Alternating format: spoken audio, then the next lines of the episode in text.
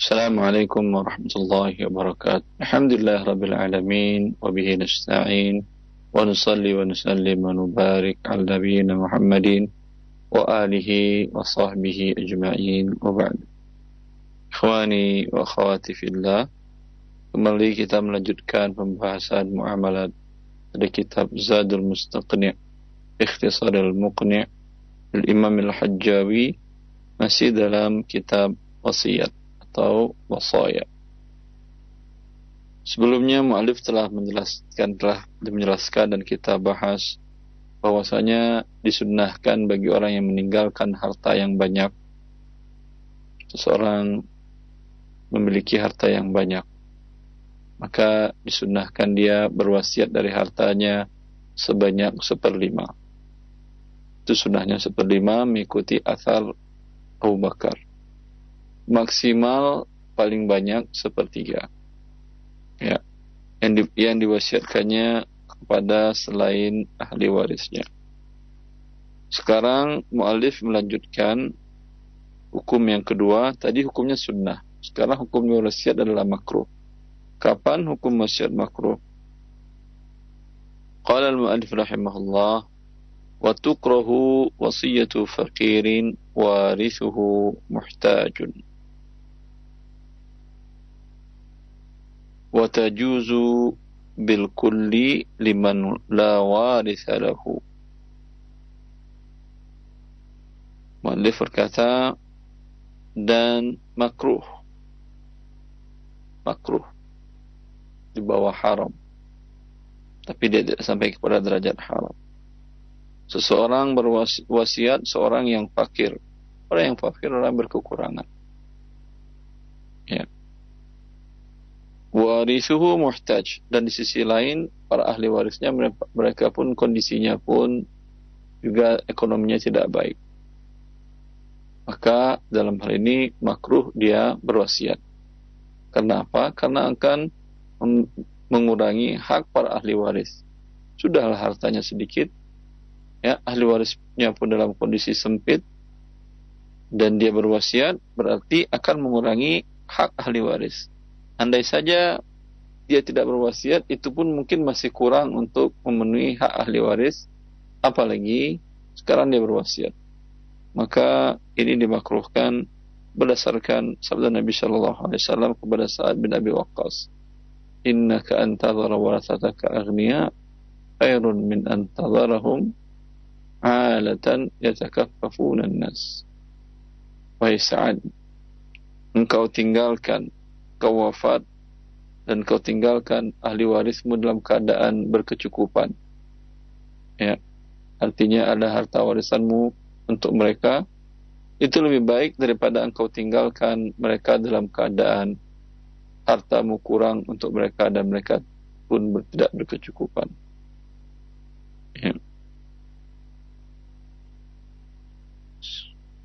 Dan Syekh Muhammad bin Shalih Al-Utsaimin rahimahullah menambahkan ada wasiat yang wajib. Tadi yang disunahkan, kemudian yang kedua makruh, kemudian ada wasiat yang wajib.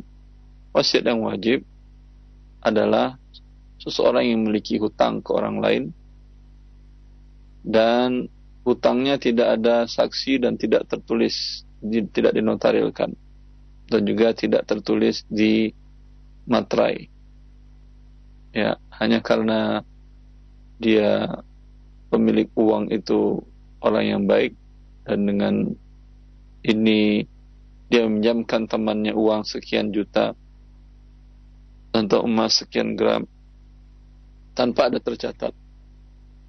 Maka seseorang ini wajib menyampaikan wasiat kepada anak-anaknya, kepada ahli warisnya, bahwa saya ada hutang kepada fulan yang tidak tertulis.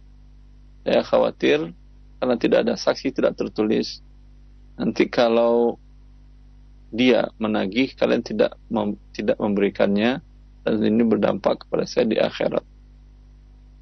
Atau ahli warisnya yang nagih ya dan dia tidak memiliki bukti yang cukup tentu mengakibatkan hutangnya tidak akan terbayarkan dan itu berdampak kepada saya kata seorang tadi. Maka ini wajib dia wasiatkan kepada ahli warisnya. Ya. Wa tajuzu bil kulli liman la warisa lahu.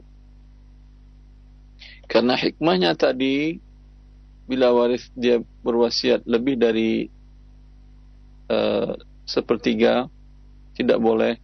Dan kalau dia fakir tidak dianjurkan dia berwasiat. Ya. Bil karena akan memudaratkan para ahli waris. Bagaimana kalau tidak ada ahli waris? Kalau tidak ada ahli waris sama sekali tidak ada ahli waris dengan faridah. Tidak ada zawil arham menurut sebagian para ulama. Dan ini mazhab Hambali dan salah satu wajah dalam salah satu pendapat dalam mazhab Syafi'i dan mazhab Abu Hanifah dan mazhab Maliki bahwasanya zawil arham yaitu kerabat rahim juga berhak mendapatkan waris. Bila tidak ada ahli waris yang mendapatkan ahli waris dengan faridah ketentuan Allah dalam warisan seperdua sepertiga seperempat, seperdelapan, dua per tiga, seperenam, dan seterusnya. Ditentukan oleh Allah dalam surat An-Nisa dan tidak ada juga asabah yang ditentukan oleh Nabi dalam sabda beliau al-hiqul fara'idha bi ahliha fama baqiya fali awla rajul dzakar tidak ada asabul furud dan tidak ada asabah. Maka di sini ada zawil arham menurut sebagian pendapat para ulama. Ya. Andai dia tidak tidak ada zawil arham juga, ashabul furud tidak ada asabah, tidak ada dia mungkin sebatang kara tinggal. Ya. Bolehkah dia mewasiatkan dengan mewasiatkan seluruh hartanya? Jawabannya boleh. Ya. Karena Nabi SAW melarang adalah hikmahnya akan memudaratkan ahli waris. Sekarang tidak ada ahli waris maka boleh diwasiatkan dengan seluruh hartanya. Wa illam yafi thulusu bil wasaya fannaqsu bil qisti. Wa in awsa liwarithin fasara indal mauti ghaira warisin sahat wal aksu bil aksi. Bila wa in lam yafi bila sepertiga tidak cukup dari wasiat maka kurang dengan proporsional dengan bagian masing-masing umpama seorang mengatakan saya berwasiat harta saya rumah yang ini untuk menjadi rumah tahfiz. Rekening saya yang di bank syariah itu ada sekitar sekian miliar. Itu kalian berikan untuk kalau saya wafat itu berikan kepada para dai-dai di Nusantara yang mereka kondisinya butuh. Dai-dai yang butuh yang berada mungkin di daerah-daerah terpencil mereka mengembangkan agama Allah dan biaya hidup mereka tidak cukup dari hasil mereka. Kalian utamakan berikan kepada mereka yang 2 miliar tadi.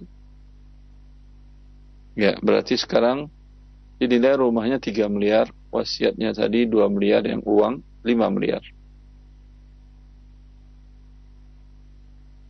Ketika dia wafat, dihitung keseluruhan hartanya keseluruhan hartanya Alhamdulillah ketika wafat ada cuman hartanya 10 miliar. Berarti 5 miliar adalah seperduanya. Sepertiga dari 10 miliar berarti berapa? 3,3 miliar. Ya, 3,3 miliar dengan miliar itu dengan 5 miliar bukan dengan miliar dengan 5 miliar berarti ada 1,7 berapa persentasenya itu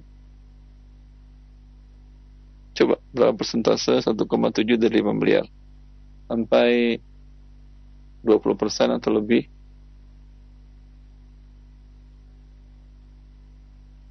Anggap 20% ya. Kalau 20% berkurang masing-masing 20%. Dari yang 2 miliar tadi berkurang 20%, berapa jadinya? 1,6 miliar yang untuk para dai. Yang rumah 3 miliar, 20 persennya 600 juta kan ya. 600 juta berarti kekurang berarti yang berhak 2,4 miliar yang diberikan kepada rumah tahfiz tadi. Dijual rumah tadi yang 3 miliar diambilkan 600 juta. Ya, 20 persennya diambilkan diberikan kepada ahli waris dan dibelikan rumah dengan 24 miliar jadikan rumah tahfiz Quran. Ya. Itu yang dimaksud oleh mualif di sini. Itu kalau perhitungan matematikanya salah perbaiki aja ya. Itu sebagai contoh saja tadi. Yang penting teorinya Anda paham. Wa in awsa liwarisin fasara indal mauti ghaira warisin sahhat wal aksu bil aksi.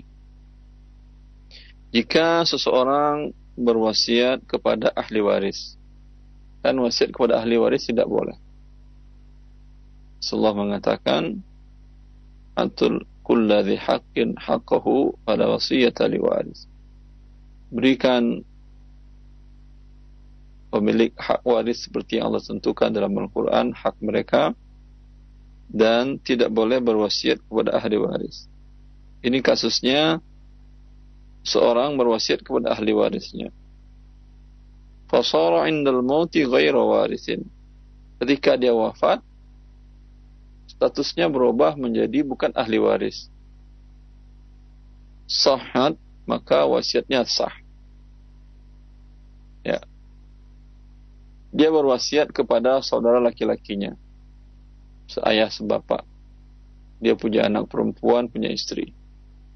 Saudara laki-lakinya ini berarti pada saat itu adalah ahli waris.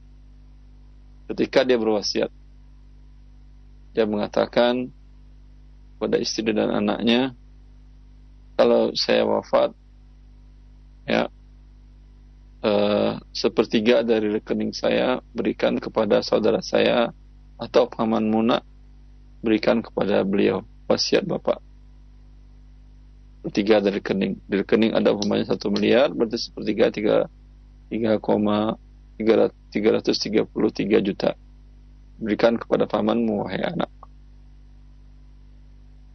Ya. Ini ucapannya sekarang dia statusnya ahli waris karena istri dapat seperdelapan, anak satu orang perempuan dapat seperdua, sisanya bapaknya sudah meninggal. Bapak dari yang ngomong tadi sudah meninggal. Sisanya untuk saudaranya tadi. Kalau dia dapat sisanya berarti dia ahli waris. Ya, kalau sampai dia wafat kondisi begini terus, berarti warisan batal. Yang dapat oleh saudara tadi hanyalah warisan. Tapi alhamdulillah dia mengatakan tadi di bulan Januari tahun 2020. Di bulan Januari tahun 2021 dia wafatnya Januari 2022 di bulan Januari 2021 istrinya lahir melahirkan anak laki-laki. Alhamdulillah. Berarti sekarang posisi saudara laki-laki dari yang mengatakan wasiat tadi bukan lagi sebagai ahli waris. Ini yang dikatakan oleh muallif ketika dia wafat posisinya sekarang bukan ahli waris. Posisi saudara saudara ini tidak sebagai ahli waris. Kenapa? terhalangi oleh anak yang baru lahir tadi yang umurnya baru satu tahun. Dia tidak mendapat hak waris, maka dia boleh menerima wasiat sepertiga dari rekening tadi. Ya. Wal aksu bil aksi dan kebalikannya dengan kebalikannya. Ini apa maksudnya? Para ulama kita zaman dahulu mereka tidak mau buang-buang kalimat ya akhi. Dia cukup mengatakan kebalikannya dengan kebalikannya. Ya, gitu kalau buku yang muhtasor sifatnya ringkas. Artinya apa? Kalau dia wasiatkan, pada saat dia berwasiat, yang yang penerima wasiat ini bukan sebagai ahli waris, berarti dapat. Ya, dan ternyata berubah posisinya menjadi ahli waris, berarti tidak dapat. Kalau tadi pertamanya tidak dapat, kemudian jadi dapat.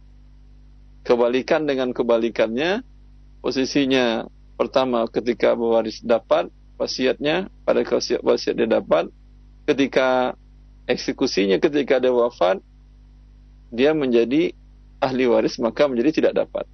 Contohnya gimana, Ustaz? Kalau tadi dibalik aja contohnya. Kalau contoh yang tadi saudara laki-laki tadi dia posisinya ahli waris. Sekarang ketika dia berwasiat saudara laki-lakinya tadi posisinya bukan ahli waris karena baru kelahiran anak. Dia kelahiran anak, senang anak laki-lakinya lahir, lalu kasihan dengan saudara saudaranya saudaranya ini Ya, namanya saudara dengan seseorang tentu hubungannya dekat. Mereka satu bapak, satu ibu.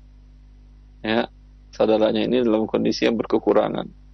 Maka dia wasiatkan ya hartanya untuk saudaranya tadi. Ya, wasiatkan sepertiga dari rekeningnya.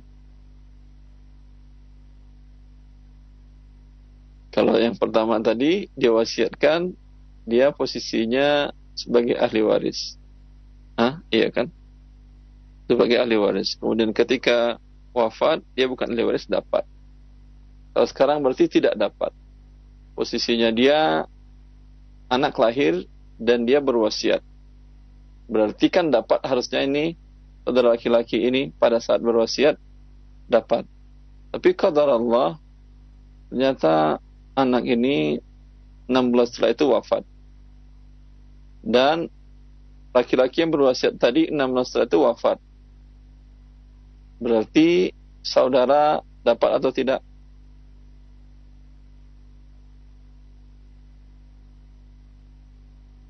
Kebalikannya, kalau tadi dapat, kalau di sini berarti tidak dapat.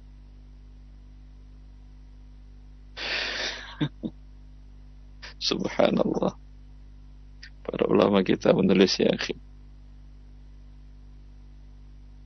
Coba perhatikan lagi baik-baik ya. Kalau ternyata ungkapan saya tadi salah, coba perhatikan tulis dengan baik. Kalau yang pertama, ketika saat dia berwasiat, itu posisinya tidak ahli waris, dia dapat. Kalau yang oh, kalau kebalikannya, pada saat berwasiat, dia posisinya sebagai ahli waris, berarti tidak dapat. Ya. Pada saat eksekusi saat dia meninggal, yang pertama posisinya bukan ahli waris. Berarti dia dapat. Yang kedua posisinya ahli waris. Berarti dia tidak dapat. Pada pada yang pertama adalah dia ahli waris, dia ahli waris, saudara laki-laki dan tidak ada laki-laki. Kemudian ketika anak laki-lakinya lahir berarti dia dapat wasiat. Kalau yang ini anak laki-lakinya ada, dia tidak dapat ketika dia wafat saudara laki-lakinya tadi berubah fungsi menjadi ahli waris, maka dia tidak dapat. Itu yang dimaksud oleh mu'alif dan kebalikannya dengan kebalikannya. Anda kalau baca kitab para ahli fikih banyak seperti ini. Kebalikannya dengan kebalikannya. Wa yu'tabarul qabulu ba'dal mauti wa in tala la qablahu. Dan yang dianggap dalam salah terima adalah setelah wafat. Sekalipun lama antara salah terima dengan uh, ijabnya. Dia ijabnya aku wasiatkan ini kepadamu. Jarak 10 tahun baru dia wafat. Dan pada saat wafat dia mengatakan aku terima wasiatnya. Boleh ijab kabul jarak 10 tahun boleh? Boleh. Karena di sini yang menjadi eh, pembahasan ini pentingnya, critical pointnya adalah wafatnya dia. Pada saat wafatnya dia, maka yang menerima wasiat baru berhak menerimanya. Wa yasbutul mulku bihi akibal mauti. Dan kepemilikan penerima wasiat itu menjadi tetap setelah wafat. Setelah wafat. Artinya, kalau wasiatnya itu adalah rumah, rumah ini aku wasiatkan untuk adikku dia kasihan tidak punya rumah karena keterbatasan kemampuan sempitnya rezeki yang Allah berikan kepada dia. Wahai anak-anakku, rumah bapak yang satu itu, ya, kalau saya bapak wafat, berikan untuk aman kalian. Ini namanya ini. Ya. Apakah sudah menjadi miliknya? Belum. Kapan menjadi miliknya? Pada saat laki-laki yang berwasiat ini wafat.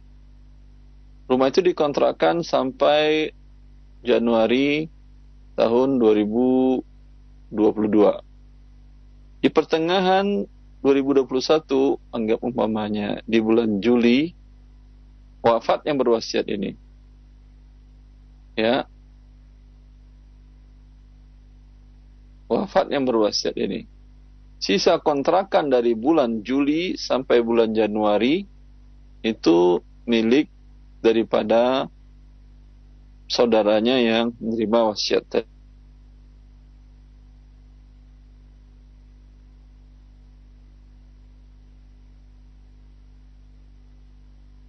Menjadi milik sempurna dengan wafatnya uh, dengan wafatnya yang berwasiat. Waman qabilaha summa rabdaha lam yasihar raddu. Siapa yang telah menerima wasiat, kemudian wasiat dikembalikannya, tidak sah pengembaliannya itu. Seseorang berwasiat, lalu kemudian dia meninggal. Yang berwasiat tadi. Yang penerima wasiat ini dinasihati oleh orang lain.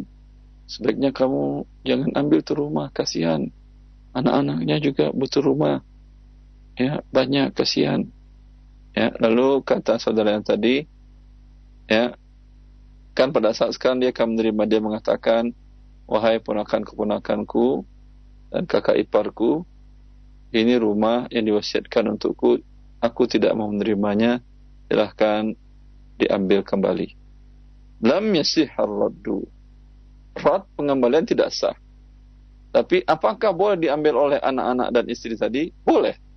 Sebagai hadiah lagi namanya. Sebagai hadiah, bukan pengembalian wasiat. Karena wasiat tidak bisa dibatalkan. Tapi bila dia kembalikan berarti dia sekarang memberikan hibah, memberikan hadiah kepada kakak iparnya dan kepada keponakan-keponakannya. Wa ruju'u fil wasiyati dan boleh rujuk dalam wasiat. Bila seseorang wasiat berwasiat dan sebelum dia wafat masih bisa dia rujuk. Dia mengatakan tadi ini rumah ini untuk saudaraku yang si fulan Qadar Allah dia lihat kemudian perkembangan si fulan bagus, rezekinya bagus. Ya. Sehingga dia berpikir ulang, tidak tidak jadi buat si fulan lah. Buat yang buat si itu aja. Buat saudaraku yang satu lagi yang kemarin dia terkena dampak pandemi, usahanya bangkrut sampai dia jualin rumahnya. Bolehkah? Jawabannya boleh. Wa in qala jika orang yang berwasiat berucap in qadima zaidun falahu ma awsaitu bihi di amrin wa qadima fi hayatihi falahu wa ba'daha li amrin ini juga ucapan muallif sangat dakik sangat dalam sekali pelan-pelan kita membacanya seseorang berkata dalam wasiatnya jika Zaid datang maka rumah ini aku wasiatkan untuknya. Maka untuk Zaid rumah yang uh, maka untuk Zaid apa yang telah aku wasiatkan kepada Amr. Berarti dia pertama berwasiat kepada Amr. Karena satu dan hal. Kemudian dia, dia tahu Zaid mau pulang. Zaid sedang menuntut ilmu di Madinah umpamanya. Dan tentu dia butuh rumah. Dia mengatakan kalau Zaid pulang pulang ya apa yang aku wasiatkan untuk Amr ini rumah ini ini untuk Zaid. Faqadima fi hayatihi. Ya, sebelum orang ini wafat Zaid pulang dari Madinah. Alhamdulillah sudah selesai membawa uh, ijazah membawa ilmu tentunya, membawa ijazah, ya. Falahu. Maka ini berarti untuk Zaid. Wa ba'daha li Amr. Dan setelahnya untuk Amr. Setelahnya apa ini? Setelah wafat. Setelah hidup. Artinya kalau Zaid datang setelah wafatnya yang berwasiat, maka ini untuk Amr. Bisa difahami kan? Ya, berarti yang untuk Amr tadi batal wasiatnya. Kan boleh dia membatalkan wasiatnya. Selagi dia hidup, dia boleh membatalkan wasiatnya. Tadi dia mengatakan, ini aku wasiatkan rumah ini untuk Amr. Karena Amr mungkin salah satu adiknya yang kuliah di Jakarta, di Lipia atau di mana untuk untuk ilmu syar'i ya atau mengikuti program Hafiz Quran, mungkin dan ilmu-ilmu syar'i di beberapa pondok yang jauh di kemudian pulang dia mengatakan ini kalau aku wafat rumah ini ambil untukmu kemudian dia lihat perkembangannya adiknya satu ini si Amr ini bagus rezekinya ya dakwahnya diterima di masyarakat, masyarakat senang, dan pun dia selain itu punya usaha dagang, alhamdulillah perkembangan rezekinya baik. Lalu dia batalkan wasiatnya boleh? Boleh, rujuk dari wasiat boleh. Yang dia lihat sekarang adalah Zaid. Zaid yang mau pulang mungkin perkiraan setahun setahun lagi. Ya. Dia mengatakan jika Zaid pulang maka rumah ini aku wasiatkan untuk Zaid. Pertama tadi dia wasiatkan untuk Amr, adiknya Amr tadi. Nah, dilihat jika Zaid pulang sebelum wafatnya yang berwasiat tadi, maka rumah untuk Zaid. Jika Zaid pulang dari Madinah setelah yang berwasiat wafat, tentu ini milik Amr. Masya Allah. Ulama kita ya. Akhir.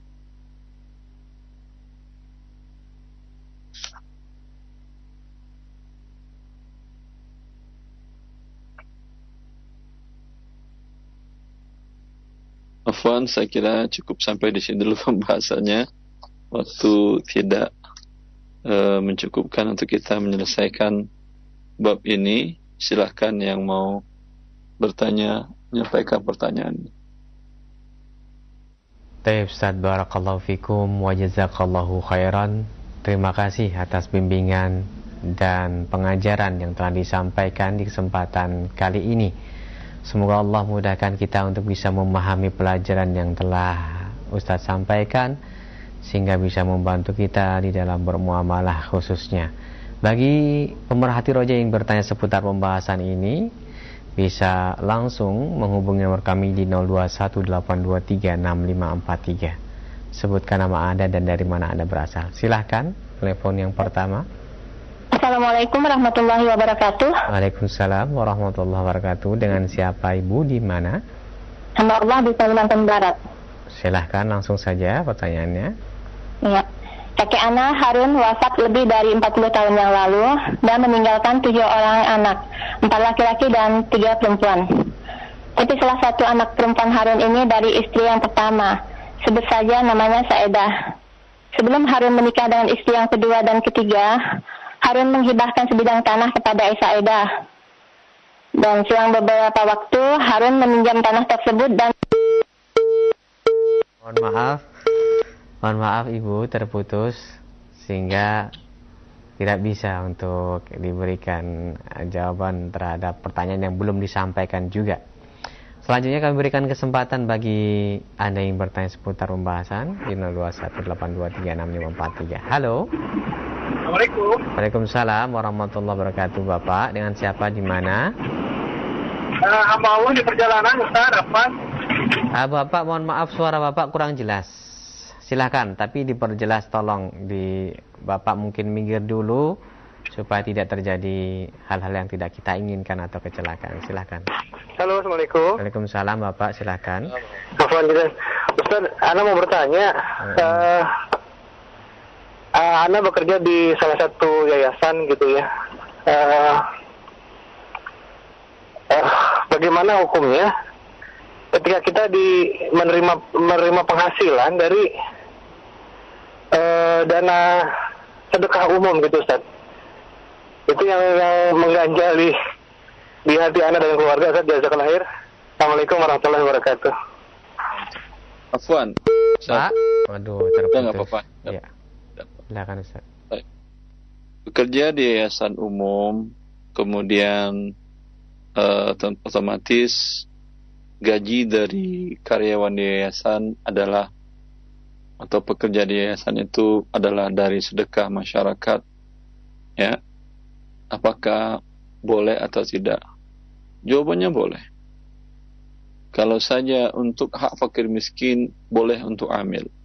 Allah mengatakan innamas sadaqatu lil fuqara'i wal masakin wal amilina 'alaiha amil adalah orang yang bekerja mengelola uh, zakat tadi mengambil zakat, menghitungnya dari para muzaki, kemudian menyimpannya, kemudian menverifikasi para mustahik dan menyerahkannya. Itu kewajibannya. Maka itu kewajibannya dan itu pekerjaannya. Dan atas pekerjaan ini dia boleh mendapatkan imbalan dari zakat tersebut. Ketidaknyamanan Anda tadi ya bukan berarti itu haram. Umar bin Khattab radhiyallahu ditunjuk oleh Rasulullah SAW sebagai amil. Lalu Rasulullah SAW memberikan haknya. Lalu Umar menolaknya. Karena mungkin sama dengan seperti Anda rasakan tadi, nggak nyaman rasanya, indah fakir miskin untuk kita. Lalu Rasulullah SAW mengatakan, ambillah. Kalau engkau berkecukupan, silahkan engkau sedekahkan atau engkau kembangkan. Ya. Dan Umar juga ketika beliau menjadi khalifah, beliau memberikan hak kepada amil am, amil zakat di masa khilafah beliau. Maka sebagian amil menolak pemberian tersebut karena mungkin merasa cukup kehidupannya. Ya. Merasa cukup kehidupannya tetapi hak dia sebagai pengelola, sebagai pekerja, karyawan ada di sana. Maka kemudian dia menolak. Maka Umar mengatakan, sungguh aku pernah menolak ini kepada orang yang sebaik-baik manusia. Ini masuk dalam adalah Nabi Sallallahu Alaihi Wasallam. Lalu beliau Sallallahu Alaihi Wasallam bersabda, ambillah untukmu jika engkau tidak berkebutuhan silahkan engkau berikan kepada orang lain atau engkau kembangkan. Wallahu a'lam. Barakallahu fikum Ustaz, terima kasih atas jawaban yang sangat bermanfaat yang telah disampaikan. Semoga menjadi tambahan ilmu dan manfaat untuk kita semuanya. Selanjutnya masih di layanan telepon 0218236543. Halo. Assalamualaikum. Waalaikumsalam warahmatullahi dengan siapa ini di mana? Dengan hamba Allah Ustaz. Silakan Pak, langsung pertanyaannya. Uh, untuk berkaitan dengan hak royalti ataupun afti Ustaz kepada suatu perusahaan kan saya mengeluarkan sebesar uh, 10% Ustaz dari suatu produk karena produk tersebut bermasalah. Yang saya tanyakan ketika saya memberikan kepada fakir miskin yang berupa pengemis Ustaz, saya anggap Bapak itu adalah Bapak Fulan A, saya memberikannya sebesar 10% Ustaz, saya niatkan untuk uh, pabrik tersebut Ustaz. Kemudian apabila suatu waktu saya bermasalah lagi ataupun memiliki hajat yang sama, apabila kita tidak menemukan pengemis lain, Ustaz, apakah boleh saya memberikan kepada bapak tersebut itu juga Ustaz, dengan sengaja ataupun tidak sengaja, Ustaz? Kalau dia tidak semua pengemis yang fakir miskin, akhi. Tidak semua pengemis yang fakir miskin. Bila dia Anda lihat adalah fakir miskin, Anda tanyakan, mungkin Anda lihat rumahnya, ya. Bila ternyata dia memang fakir miskin adalah boleh. Oh, Bisa jadi tetangga Anda, tetangga Anda adalah fakir miskin. Tapi Anda tidak tahu karena dia tidak pernah meminta-minta kepada tetangga yang lain. Gajinya mungkin UMR 4 juta, tapi tanggungannya kita tidak tahu. Yang kita lihat, ada anaknya di pesantren, dua orang. Ada anaknya di rumah yang masih SD, SD Islam terpadu. Itu tentu biayanya nggak cukup 4 juta, itu UMR 4 juta untuk biaya sekolahnya mereka, empat anak ini. Belum lagi untuk biaya hidupnya dia ngontrak. Belum lagi ternyata dia punya memiliki orang tua dan adik di kampung yang pun masih dibiayai dia. Ya, entah dari mana dapat yang penting halal. Tapi dia tidak pernah meminta-minta menyampaikan keluhan hidupnya kepada tetangga-tetangganya. Orang yang seperti ini lebih baik Anda berikan hal tersebut kepada dia. Jadi baik sengaja ataupun tidak sengaja ke orang yang sama itu tidak apa-apa Ustaz. Kalau dia statusnya miskin ya boleh. Tapi bila statusnya tidak miskin berarti tidak terselesaikan masalah Anda. Eh, gimana gimana? Kalau ternyata dia tidak miskin, kan banyak pengemis yang tidak miskin. Ya, Hmm.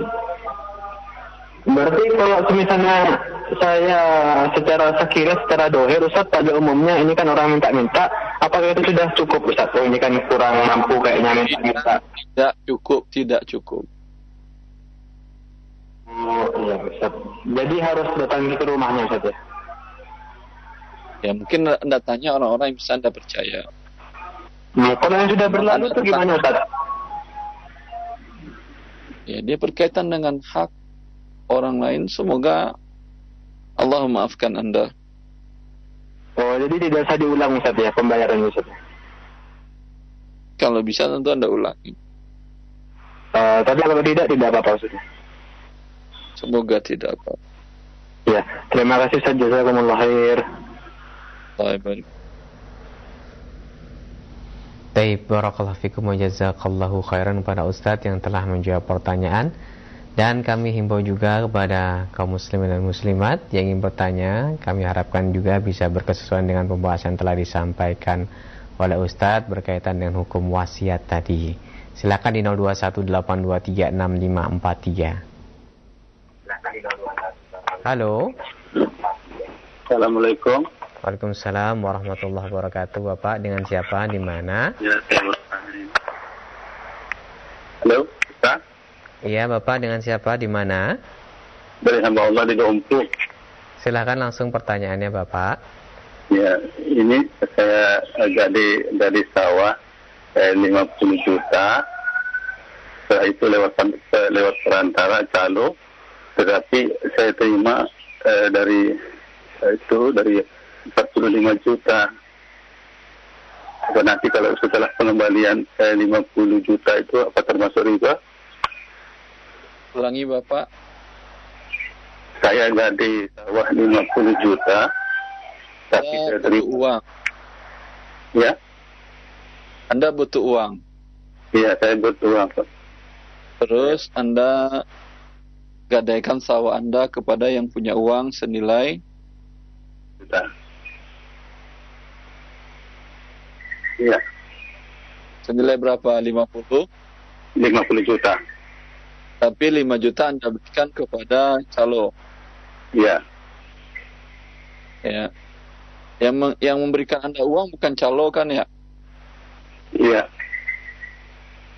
Boleh, tidak ada masalah. Oh, nanti Bukan riba. pengembalian, bukan. Anda kembalikan 50 kan bukan kepada si calo kan? Kepada yang memberikan pinjaman Anda uang kan ya? Kan masalahnya sawah Anda selama ini digarap oleh pemberi pinjaman atau oleh Anda sendiri? Eh, ya, Selama Anda belum bayar 50 juta tadi. Itu sawah Anda siapa yang menggarapnya? Andaka atau si pemberi pinjaman? Pemberi pinjaman. Ini ribanya. Boleh? Riba yang tidak boleh. Pak. Yang 5 juta tadi si calo boleh.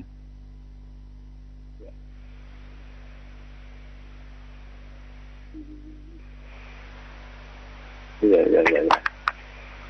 Tapi yang sawah Anda digarap oleh pemberi pinjaman tidak boleh.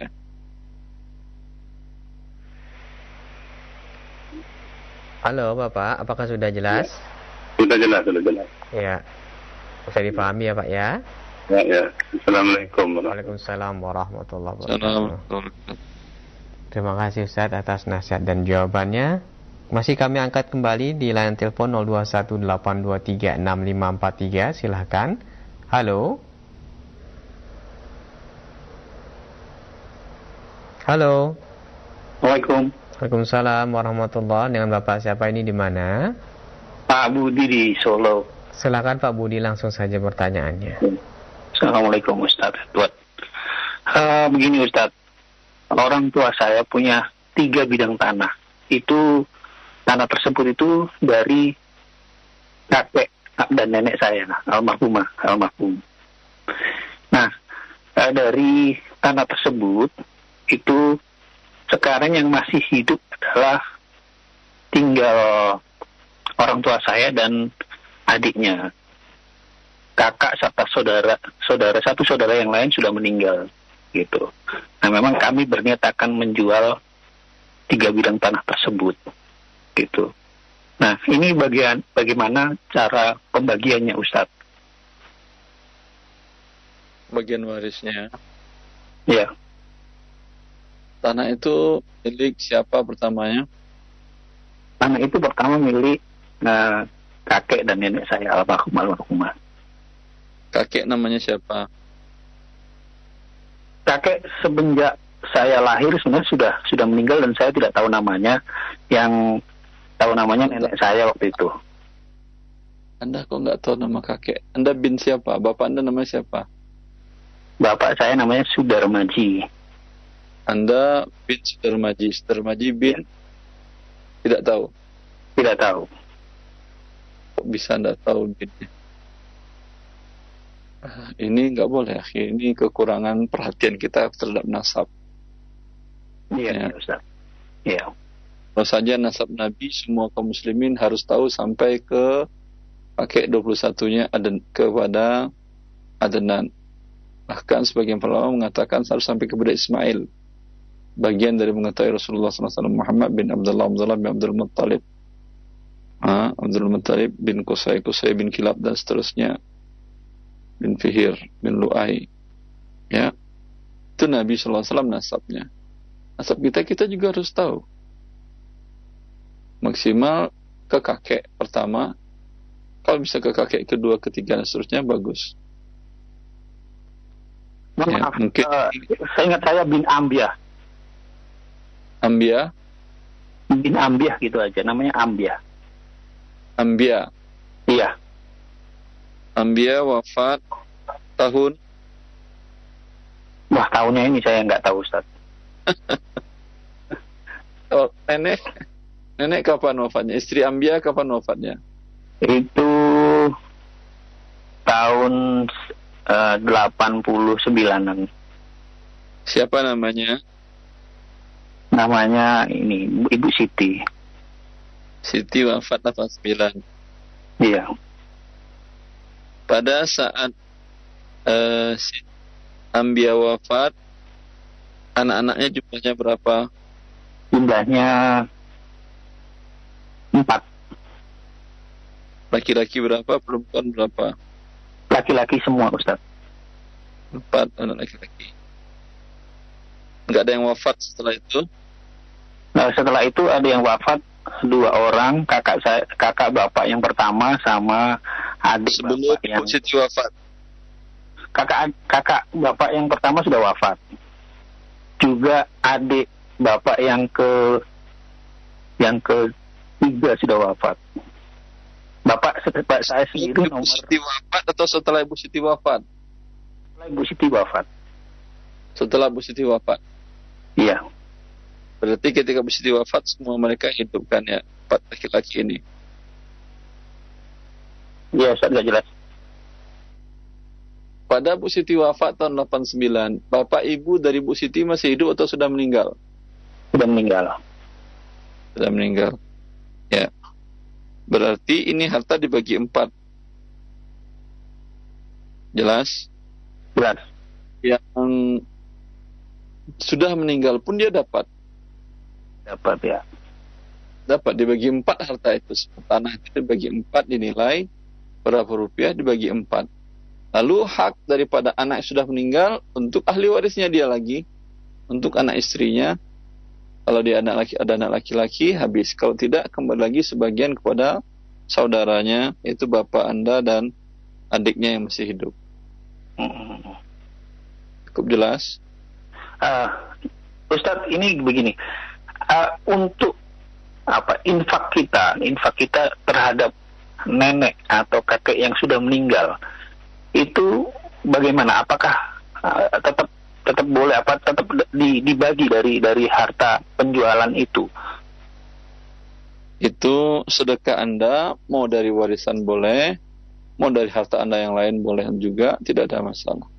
Tapi itu belum bisa disebut warisan ya Ustadz karena bapak saya kan masih hidup. Tentu Anda ya tidak dapat warisan. Oh, untuk bapak saja ya. Hmm. Bagian untuk bapak saya saja ya. Anda juga boleh. Kenapa Ustaz? Kalau Anda mau bersedekah untuk kakek Anda, mamanya di hari Ramadan yang mulai ini, Anda ada kelebihan rezeki. Anda katakan, ini saya niatkan 2 juta rupiah untuk iftar di masjid ini, belikan umpamanya 2 juta berapa? Dapat umpamanya uh, 2000 200 porsi. 200 porsi buka puasa hari ini ini saya niatkan pahalanya untuk kakek dan nenek saya. Boleh. Hmm. Hmm. Ustaz ada satu pertanyaan lagi Ustaz. Ini begini pada saat uh, apa rumah tersebut dulu ditempati oleh orang tua saya itu tiga bidang tanah tersebut itu atas nama uh, orang tua saya sendiri dan satu lagi adiknya yang waktu itu ya Ustaz jadi tanah itu sudah di atas namakan orang tua saya sendiri dan adiknya yang yang saat ini masih hidup. Nah untuk yang kakak kakak orang tua saya dan adiknya yang sudah meninggal itu memang tidak ada tidak tidak atas nama mereka gitu terus pada saat uh, apa Eh, adik-adik dari orang tua saya ini membutuhkan uang, itu tanah tersebut digadai, digadaikan sehingga tidak mampu untuk menebusnya, tidak mampu waktu itu. Nah, itu atas itikat baik dari orang tua saya daripada uh, rumah dan tanah tersebut disita oleh oleh pihak bank itu di, diambil, di, ditebus gitu loh.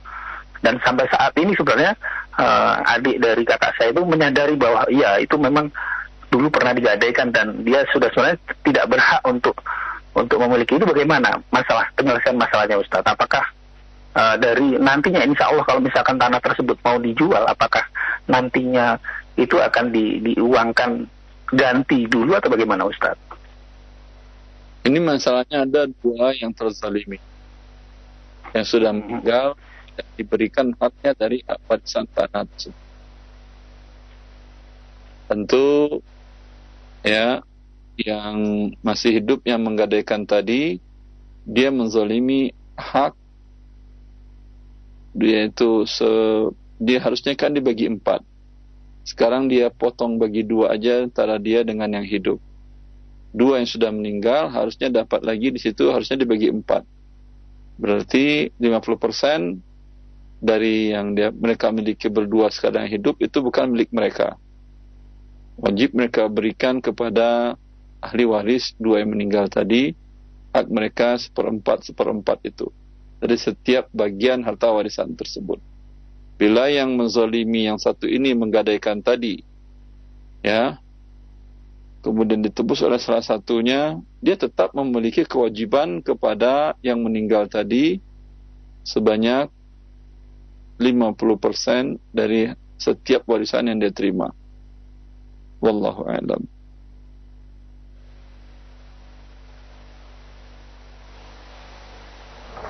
Baik. Ya. Terima kasih ya Pak. Cukup ya Pak. Cukup. Mm -hmm. Baik. Waalaikumsalam warahmatullahi wabarakatuh. Terima kasih pada Ustadz yang telah menjawab beberapa pertanyaan via telepon. Kami akan beralih dan untuk membacakan beberapa pertanyaan dari pesan singkat. Pertanyaan dari pesan singkat kami bacakan dari Kamal di Balikpapan. Assalamualaikum Ustadz. Bagaimana hukumnya ketika orang tua masih hidup memiliki sebidang tanah dibagi dua, diberikan kepada satu anak lelaki dan satu anak perempuan. Sudah dibangun rumah masing-masing oleh anak tersebut. Sementara anak ada empat bersaudara, yaitu dua lelaki dan dua perempuan. Dan sekarang orang tua lelaki sudah wafat. Bagaimana hukum ahli warisnya Ustadz? Sukron barakallahu fikum sudah kita bahas pada beberapa pertemuan yang lalu tentang hibah. Orang tua wajib menghibahkan kepada anaknya dengan adil. Dalam kasus ini hanya dua yang dia berhibah, yang dua lagi tidak, maka dua-dua orang tua ini berdosa. Rasulullah mengatakan, "Fattaqullaha wa'dilu baina auladikum." Hendaklah kalian bertakwa kepada Allah dan wajib kalian berlaku adil kepada anak-anak kalian. Bila kalian beri hibah atau hadiah, wajib adil kepada semuanya. Bila sebagian kalian beri hibah, sebagian yang tidak, berarti kalian tidak adil menzaliminya dan tentu Allah akan memberikan sanksi kepada orang yang zalim. Mumpung si bapak yang bertanya ini masih hidup, wajib dia tarik kembali atau dia berikan hibah untuk dua anak yang masih belum dapat. Atau dia minta dia tarik, dia bagi rata uh, atau berdua banding satu terserah. Yang penting dapat laki-laki dan perempuan semuanya dapat. Baik Ustaz, terima kasih atas jawaban yang bermanfaat. Kami bacakan kembali dari hamba Allah. Assalamualaikum warahmatullahi wabarakatuh. Ustadz, saya mempunyai satu anak perempuan dan dua anak angkat. Saya dan suami juga mempunyai adik-adik. Kami ber, berdua bekerja. Nah pertanyaannya, bolehkah saya membagikan harta saya selagi saya masih hidup ke anak-anak saya? Silahkan Ustaz. Boleh, tapi namanya bukan waris. Namanya hibah. Ya. Baik Ustaz, terima kasih atas jawabannya. Semoga bermanfaat bagi yang bertanya. Assalamualaikum warahmatullahi wabarakatuh dari Bapak Juanda di Bogor. Ustadz mau bertanya, bagaimana hukumnya ya Ustadz kalau orang tua kita membagikan membagikan harta warisannya dibagi sama rata laki-laki dan perempuan disamaratakan. Apakah berdosa di akhirat nanti? Terima kasih atas jawabannya. Barakallahu fikum Ustaz. Tidak ada orang bisa membagi harta warisannya. Karena warisan itu akan menjadi harta warisan ketika dia wafat. Ketika dia wafat dia membagi warisan semua anak-anaknya pasti lari. Udah ambil aja buat kalian tuh harta kalau anda masuk ketika dia hidup semua hartanya dibagi-bagikan ke anak-anaknya bagi rata. Jawabannya boleh atau tidak Sebagian ulama mengatakan boleh karena ini bukan warisan. Sebagian ulama mengatakan tidak boleh, tetap harus satu banding dua juga. Nah. Tapi dia memberikan hibah namanya, bukan bagi warisan. Tep, Ustaz. Barakallahu. Pertanyaan berikutnya kami akan berikan kesempatan kembali bagi penelpon silahkan di 0218236543 halo berikan kesempatan kembali bagi telepon silahkan di 021. Halo. Iya, dengan siapa Ibu di mana? Assalamualaikum. Waalaikumsalam warahmatullahi wabarakatuh. Saya dengan Indri. Iya. Silakan Ibu Indri, mohon maaf, dikecilkan terlebih dahulu volumenya. Ibu cukup mendengarkan kami via telepon ya Bu ya. Langsung disampaikan pertanyaannya supaya jelas kami mendengarkan. Ya, eh, ini apa namanya? Eh, saya mau tanya. Hmm. Eh, eh, bapak saya tahun 1981 meninggal. Nah, eh, itu mewariskan rumah. Kami bertujuh, laki-laki satu. Al- eh, Alhamdulillah pada saat itu ibu masih ada. Nah, eh, jadi eh, pada saat eh, rahimahullah bapak udah nggak ada, dilunasin sama kakak saya yang lain, eh, yang laki. Nah, itu tanpa sepengetahuan kami. j- jadi minta tolong ibu saya untuk dilunasin, eh, udah dilunasin. Nah, tanpa sepengetahuan kami, setengah rumah dijual ke kakak saya yang laki oleh Yang ibu. menjual? Nah, Ustaz, Yang menjual si ibu. ya, yang yang jual ibu, yang jual ibu, dijual ibu. Sert- Sertifikat rumah atas nama ibu, dari udah udah dibalik nama atas nama ibu. Nah, dijual sama ibu setengah ke kakak saya yang laki. Eh, pertanyaan saya, apakah itu boleh? Itu saja sebetulnya. Karena saya saya nggak mau, ibu saya sudah meninggal sekarang. Nah, saya nggak mau. Mm-mm. Ini gimana? Ustaz? Ini rumah milik siapa? Milik suami atau milik istri? Eh, milik eh, bapak saya. Jadi bapak saya meninggal mewariskan rumah. Namanya siapa? Pada waktu meninggal ibu saya masih ada. Kami Nam- bertujuh. Namanya siapa Ibu? Jelaskan dulu, dengarkan dulu. Namanya siapa bapaknya? Eh, Sumargo dari Saputro. Pak Sumargo memiliki tanah dan rumah. Ya, atas nama dia sertifikatnya. Iya betul. Kemudian dia wafat. Mm-mm. Istrinya cuma dapat seperdelapan. Is- istrinya satu istrinya dapat Ya, istri- delapan. Oh istri- iya. Dapat. Sekarang dia jual 50%. Begitu kan?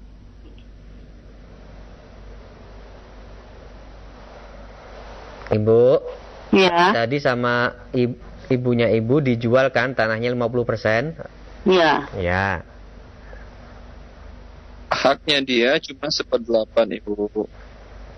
Kalau dia jual 50%, berarti 3 per 8 dia jual hak anak-anaknya. Dia berarti membuat zalim kepada anak-anaknya. Plus, Iya. atas kezalimannya tentu dia dimurkai Allah.